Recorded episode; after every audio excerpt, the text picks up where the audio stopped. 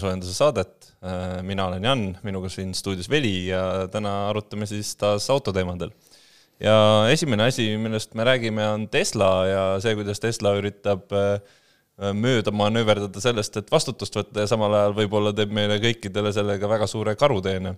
ehk siis USA-s on kerkinud selline probleem, et Tesla on olnud sunnitud mõned autod maailmas tagasi kutsuma ja nüüd äh, on neil selle tagajärjel tekkinud arutelu siis USA Maanteeametiga ja see tagasikutsumine puudutab siis äh, ühte osa ühest arvutist, mis äh, Tesla siis arvuteid täis autos on.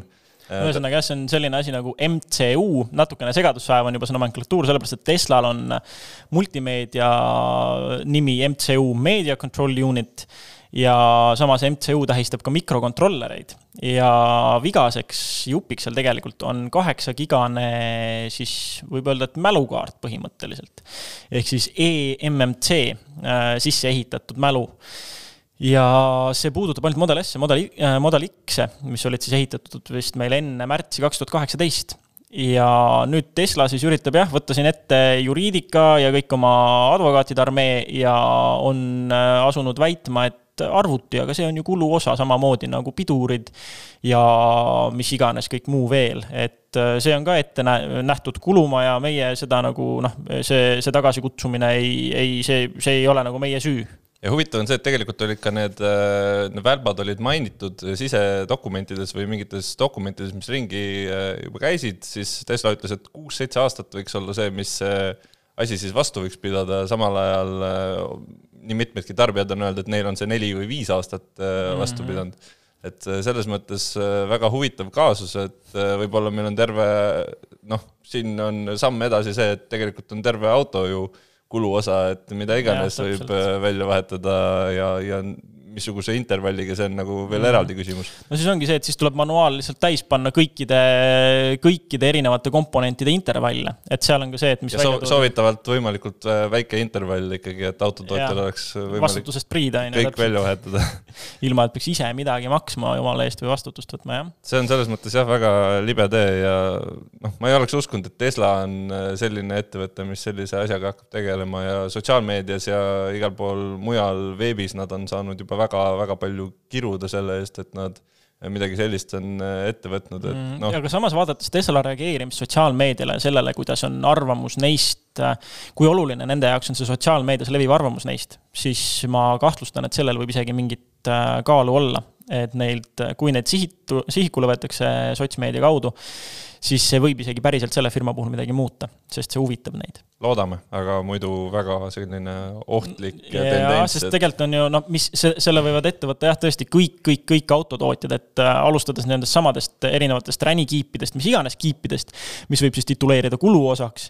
ja meie autod tõesti, mida aeg edasi, seda rohkem meie autod neid täis on, et, äh, et selliseid no, masinaid. Nende ei..., nende arvutitega on ju tihti see, et nad on kallid, et äh, see ei ole see, et äh, sa vahetad pidurikettade klotsid välja, mis on sihuke alla tuhande euro kulu, on ju aga kui sa ikkagi arvuteid hakkad vahetama, siis tavaliselt on seal on probleemiks see, kui äh, oleneb muidugi, kui sisse ehitatud nad mingitel masinatel nagu on, et ma saan aru, et Teslal see kiip on suhteliselt hästi sinna ära topitud, et nad ju ütlevad selle kohta ka, et embedded mm.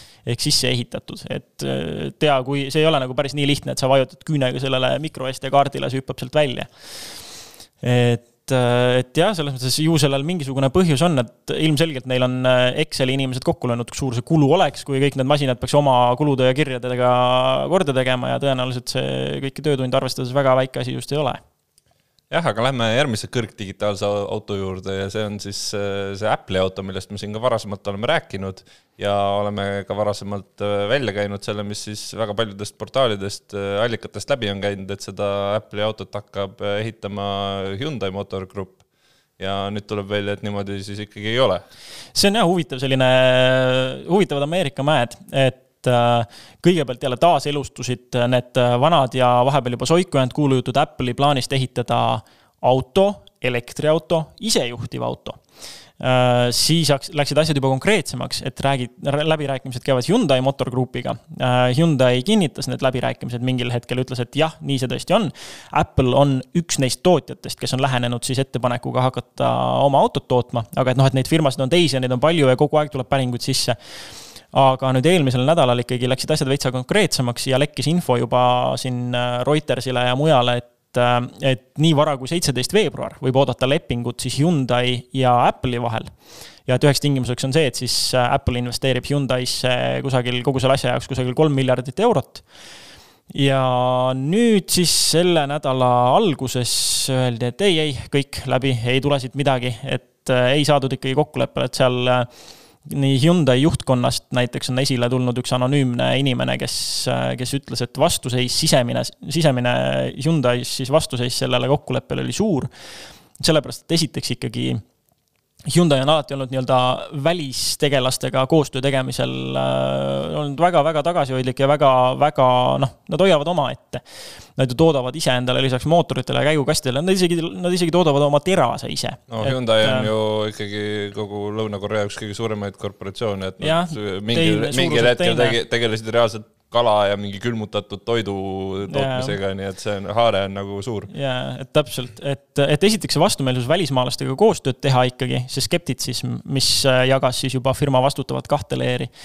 Äh, teiseks kaalukausiks, äh, teiseks siis mõjusaks raskuseks kaalukausile sai see, et, et Apple lähenes Hyundai'le kui lihtsalt tootmisteenuse pakkujale et siin on, meie anname teile enam-vähem ette oma arendatud toote, joonised, teie tehke ja kolmandaks siis ka analüütikute hinnangul äh, sai saatuslikuks tehingule see, et see kõik nii detailselt ikkagi meediasse lekkis. et Hyundai on siin ise mingeid kommentaare jaganud, aga Apple siiamaani seda, noh, ma ei tea, kas praeguse seisuga nüüd punkt praeguseks, äkki Apple on midagi kommenteerinud, aga veel äh, tund tagasi see nii ei olnud. no Apple üldiselt ei ole ka selline ettevõte, kes midagi mm -hmm. kommenteerib ja neile meeldib kõiki oma tooteid ja kõiki oma asju sellise suure pauguga ikka välja lasta, et ja, mitte see, et hakatakse enne lekitama, et kindlasti see võiks ka jah, kaalukeel olla aga, noh, fakt on see, et Apple aga noh ikkagi..., aega on ju selle seitsmeteistkümnenda veebruarini veel, et äkki jõutakse ikka ükskord veel ümber mõelda.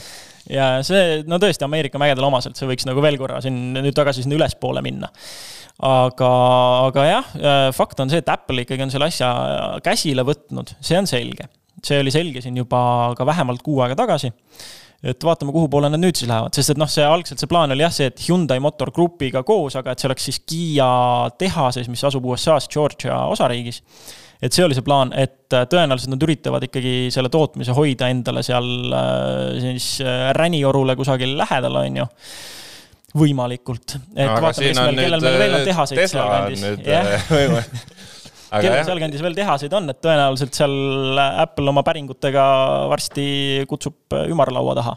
Äh, Hyundai ja Kiia said päris kõvasti pihta ka rahaliselt äh, ja. selles, pärast seda, kui see nüüd ilmsiks tuli, et nad ikkagi seda autot ehitama ei hakka, et Hyundai aktsia hind kukkus kuus koma kaks protsenti ja ja Kiial seal isegi jah, üle kümne. see oli, see oli äh, rahaliselt siis, kui, äh, kui see aktsiate kukkumine rahasse ümber arvutada, siis kusagil seitse miljardit eurot sai Hyundai Motor Group siis põntsu.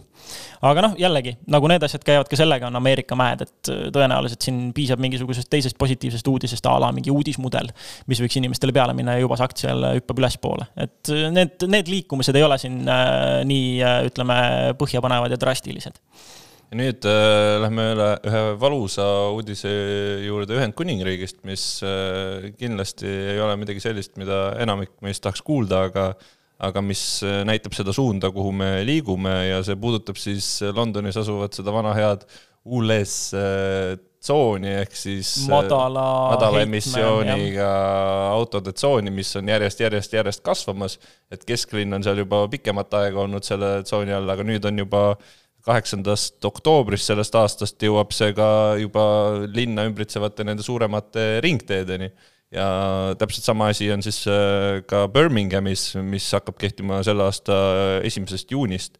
ja see tähendab siis seda, et need bensiiniautod, mis on tehtud äh, alla või tähendab vanemad kui äh, euro neli standard ja need diislid, mis on vanemad kui euro kuus standard, peavad siis äh, hakkama raha maksma ja see tsoon muutubki järjest suuremaks ja järjest rohkem neid autosid surutakse sealt linnast välja.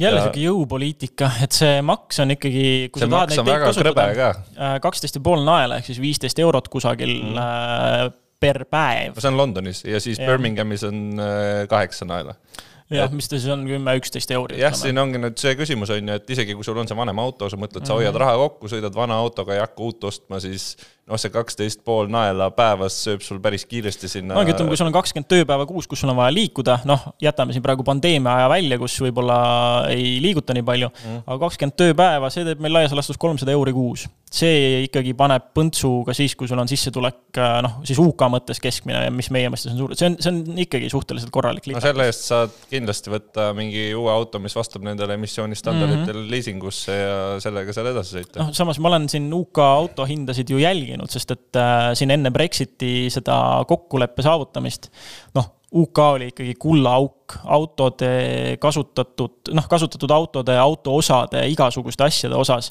et masinad, mis meil siin maksavad, algavad kuuest-seitsmest tuhandest eurost, sealt sa võid tuua endale kahe tuhandega. eriti just vanemad ja huvitavamad masinad, on ju. et seal tõenäoliselt on osalt mängus ka siin elanike hirm just täpselt sellesama Brexiti ees, et kähku, kähku, kähku tuleb asjadest lahti saada, enne kui, enne kui siin täiesti kinni läheb kõik.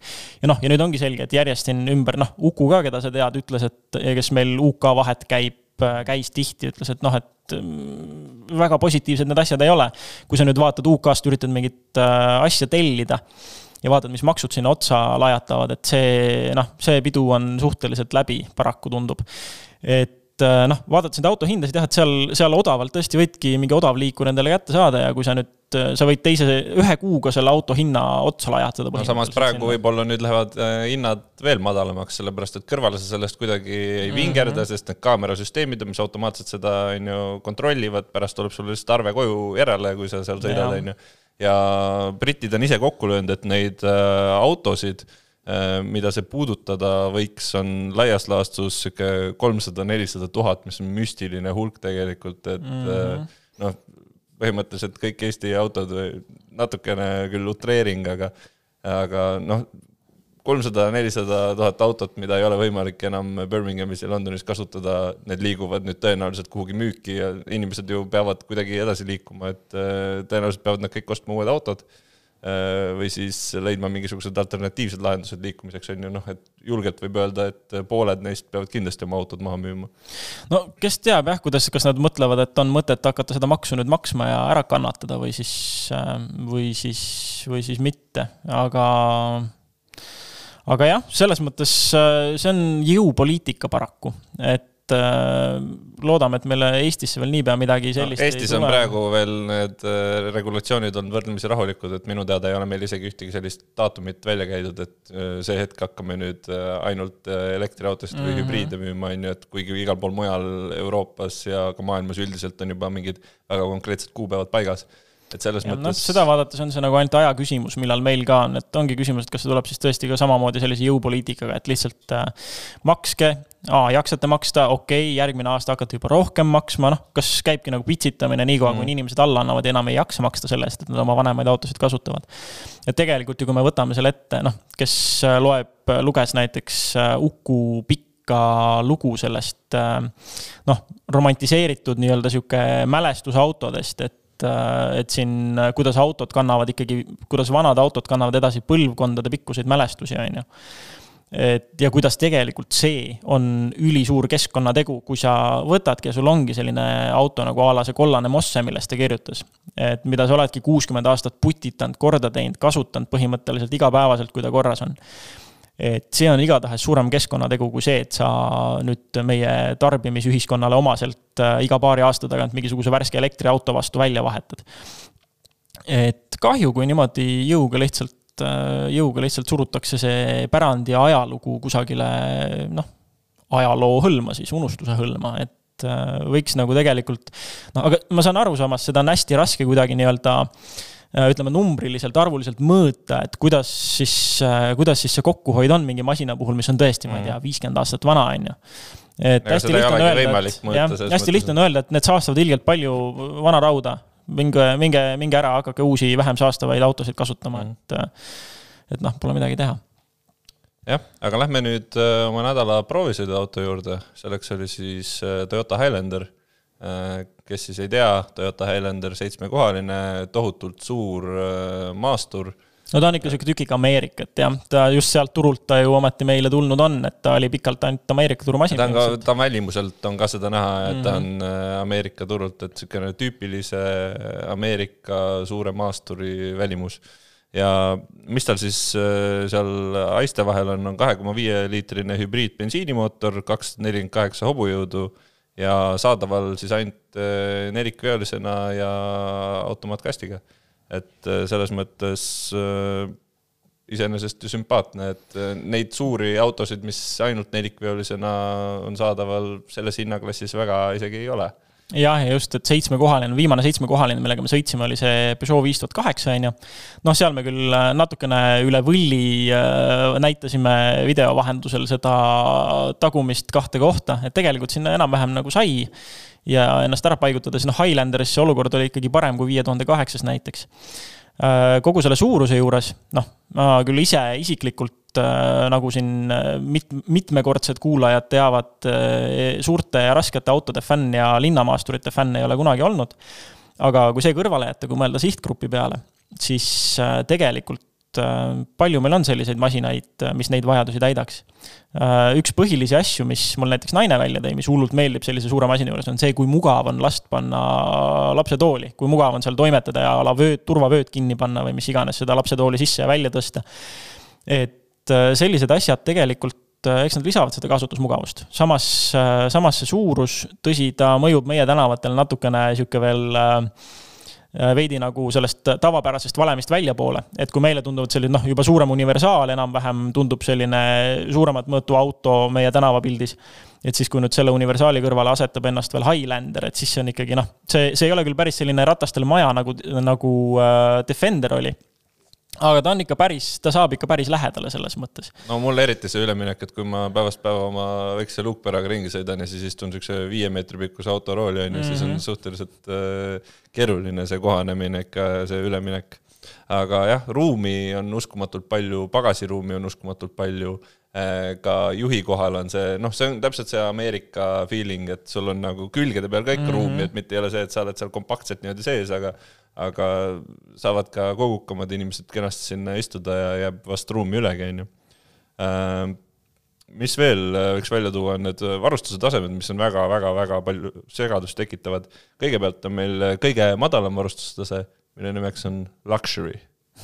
ja see maksab äh, siis nelikümmend viis tuhat, siis on keskmine, executive viiskümmend tuhat ja, ja siis on premium, mis on viiskümmend kuus tuhat et.... huvitavad selles mõttes nimed nagu, et äh, siis võiks justkui eeldada, et luxury ja, ja executive on veidike nagu kõrgemal, et premium on lihtsalt sihuke noh, semi sihuke. ma ei tea, minu arust need on kõik siuksed suhteliselt äh, võrdsed nimetused, et äh, ühesõnaga sel.... huvitav nomenklatuur jah, selles mõttes. et sellega, sellega on siis veits keeruline, noh, mis, mis neil erinevat on, on nad suuresti mugavusvarustus ja mingisugused iluliistud, siuksed asjad, et noh, tasub lihtsalt vaadata, et kas see välimus ja kõik need äh, lisad, mis seal on veel, on need, mida tahetakse.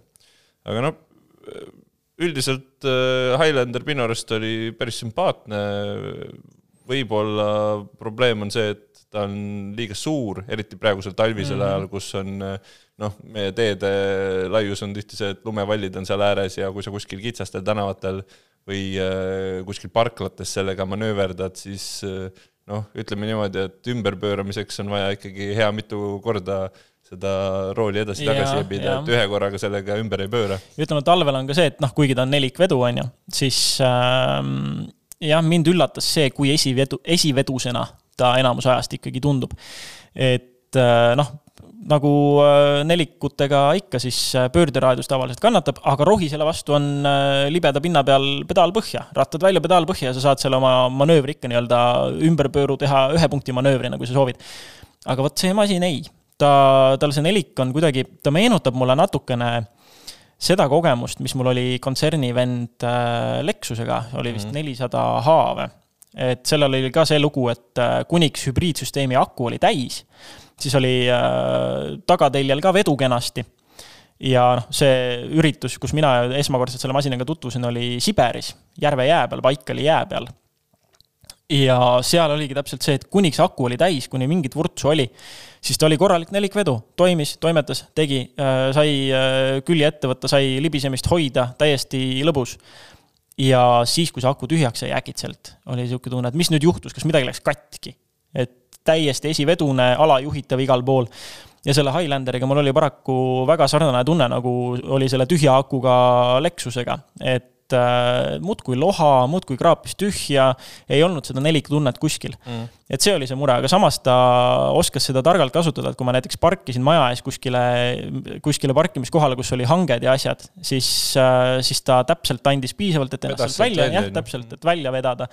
et ta jagab seda niimoodi, et noh, jällegi, mul ei ole mõtet tegelikult rääkida sellest, et noh, et kas ta lustida laseb või midagi mm.. et, äh, et lihtsalt, aga, aga see jäi ikkagi ära mainida, et ta mõjub tugevalt nagu esiveoline. et seda, et see, et ta on nelikvedu, seda sa võid seal sõpradele öelda küll, aga seda tunnet tegelikult, seda õiget nelikutunnet sa ikkagi temaga kätte ei saa. et seal oli, ja tal on ka mingid sõidurežiimid ja asjad, mis seda nagu justkui maastikuvõimet peaksid lisama aga jällegi noh, see on selline, et äh, kui sul on kord vaja kusagilt mingisugusest maastikusituatsioonist läbi sõita, jah, ta aitab sind välja, aga et mingit suurt maastikuvõimetest oodata ei tasu, et ta on ikkagi parketimaastur no,. ma omalt poolt äh, lisaksin siia lõpetuseks selle, et äh, noh, kui teda võrreldagi viie tuhande kaheksaga, need kaks on suhteliselt hästi võrreldavad mm -hmm. autod, nad on enam-vähem suuruselt sarnased, hinnaklassid sarnased, kõik on nagu mm -hmm. laias laastus sarnane siis tegelikult see nelikvedu annab päris palju juurde, eriti niisuguse suure massiga pika auto puhul, et noh, kui ma viie tuhande kaheksaga mingites kurvides tundsingi, tingimused olid ka sarnased mm -hmm. sel ajal, kui me sõitsime, et mõlemal juhul oli niisugune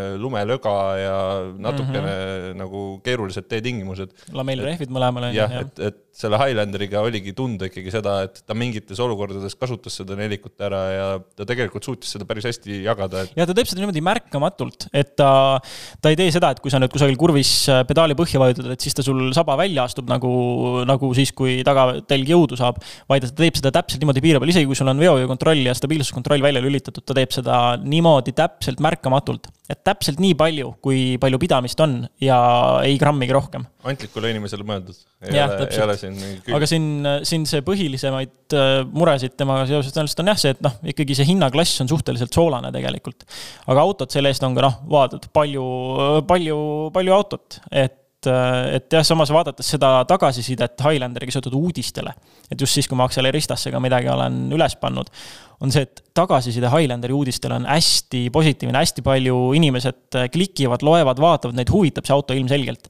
aga ma kardan, et siin see hinnaklassi, hinnaklassi faktor on see, mis ta nagu, mida, mis teda nagu selliseks müügihitiks päris ei tee, nagu meil on siin a la RAV4 või mingid äh, Yarised. ma arvan, et ta saab ikkagi populaarseks, arvestades, kuidas Eesti inimestele nagu Land Cruiser näiteks meeldib mm, -hmm. et ta on nagu kergelt äh, lahjendatud versioon äh, Land Cruiserist, mis on lihtsalt suurem yeah.. et ma arvan, et sellel on ikkagi väga selgelt oma ostjaskond Eestis mm. ka olemas.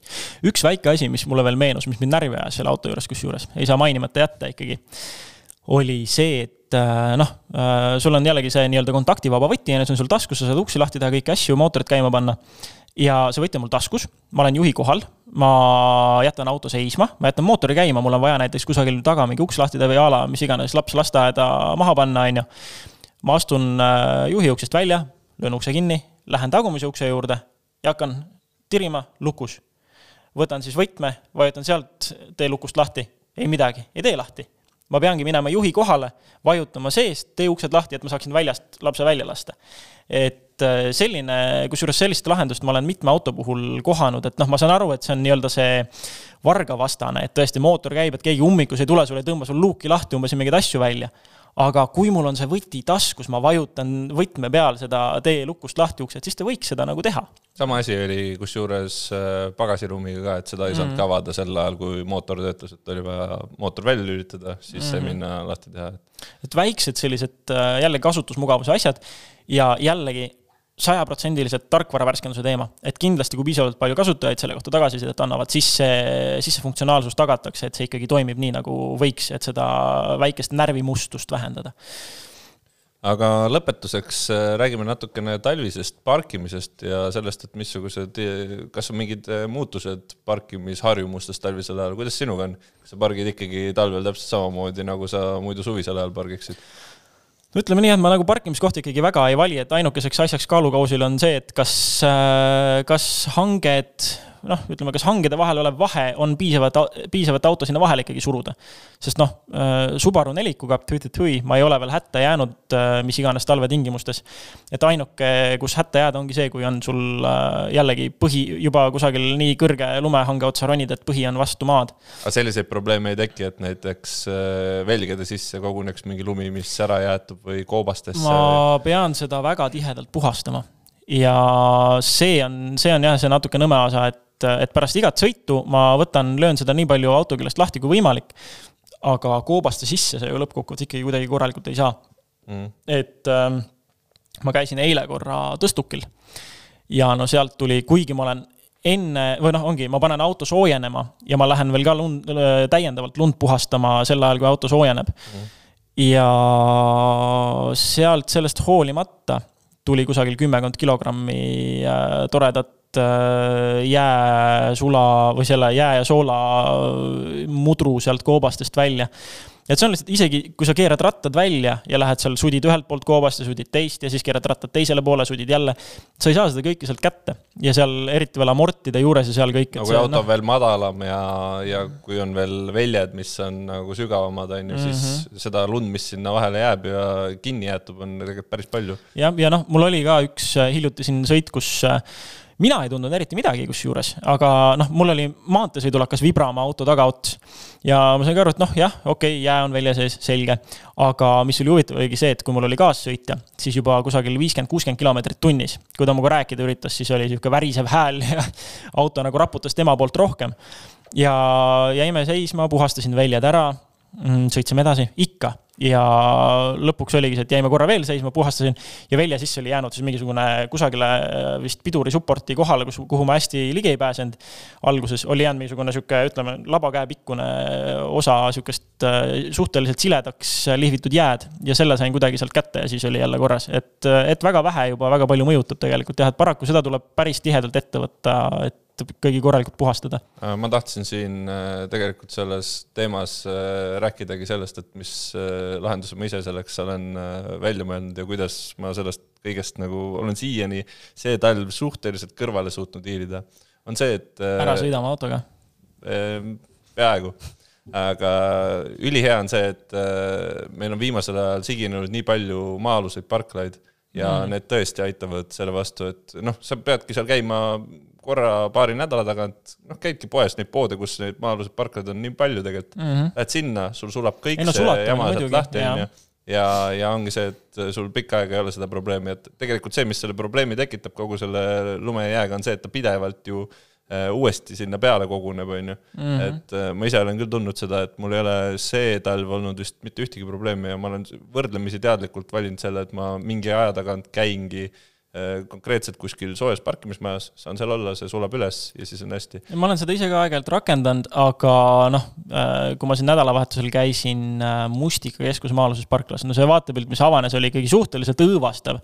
see on soolamägi see on konkreetne mäestik, igal pool, igal parkimiskohal on mingisugune kuus, seitse, kaheksa suurt kamakat soola mm. lihtsalt. et see on jõhker ja see parkla oli autosid täis ja noh, seal oli kümneid ja kümneid inimesi, kes oma auto ümber askeldasid ja puhastasid. et päris jõhker nende park, parkimismajade haldaja, haldajatele samas, et kogu see puhastus ja selle äravedamine sealt ja vool ja kõik, et seal on ju see, et kuigi need parkimismajad üldjuhul pannakse ööseks mingist kellaajast mingi kellaajani mm. kinni, siis keegi, noh, keegi ei kontrolli seda, et noh, sinna jäetakse oma autosid üle öö ju ja nii edasi, et see, see on päris õõvastav olukord, mis seal tegelikult on ja see, see, see õhk on juba soolast paks, et Äh, just kellegagi rääkisin jälle sellest, et äh, mingitel noh, hobiautode hoiustamine nii-öelda. et äh, mingites tingimustes on mõistlikum isegi jätta omal hobiauto kusagile lageda taeva alla, peaasi, et oleks äh, puhas lumi ja nii-öelda maa, mitte asfaldi kohal mm. -hmm. Versus see, et sa viid ta kuskile, kus on, äh, kus äh, on autode läbikäik ja kus soolaga autosid tuuakse sisse ja viiakse välja, et see nagu lõppkokkuvõttes on autole kahjulikum isegi, kui teda kusagil lageda taeva all hoiustada. et jällegi sellised väiksed nüansid, mille peale mõtlevad ainult paadunud petroseksuaalid tõenäoliselt, mitte need, kes oma autot sihtotstarbeliselt kogu aeg kasutavad aga no, aga no ikkagi vaadates lihtsalt seda soolamäestikku, siis see on rets, et siin ma, ma väga ootan, mida need Ameerika teadlased, kes selle kalavere äh, kallal töötavad, et mida nad avastavad sealt, et ähm, kes ei ole lugenud, et siis äh, oli alles vist eelmisel nädalal sai üles pandud üks uudis selle kohta, kuidas kalaveres leituv äh, looduslik antifriis oleks palju mõistlikum lahendus, mida kasutada siis soolamise asemel. et mis, millest siis üritatakse sünteesida sellist lihtsalt kasutatavat ja pihustatavat vahendit soola asemel. et igatahes arvestades soolaga kaasnevaid selliseid nõmedaid kaasmõjusid, oleks see väga tervitatav. no vot, selline saade meil täna oli Äh, kui teil on endal veel mingisuguseid äh, nõuandeid, kuidas talvisel ajal äh, autot parkida, mingisuguseid nippe-trikke, siis kirjutage meile Facebooki, kirjutage meile Instagrami, ma ei tea, saatke meil. ja võtame järgmises saates need uuesti ette ja räägime ka nendel teemadel võib-olla üle.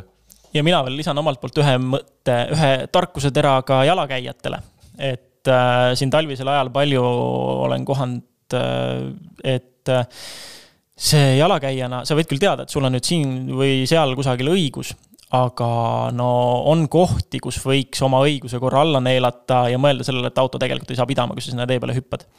et äh, näited on mingid a la parkimismajade estakaadid, kus sul võib autol olla, sa võid pidurit plokki vajutada, aga kui sul auto sealt alla libiseb, siis sul ei ole midagi teha, sellel jalakäijal võib äh, eesõigus olla, aga alla jääb ta ikkagi.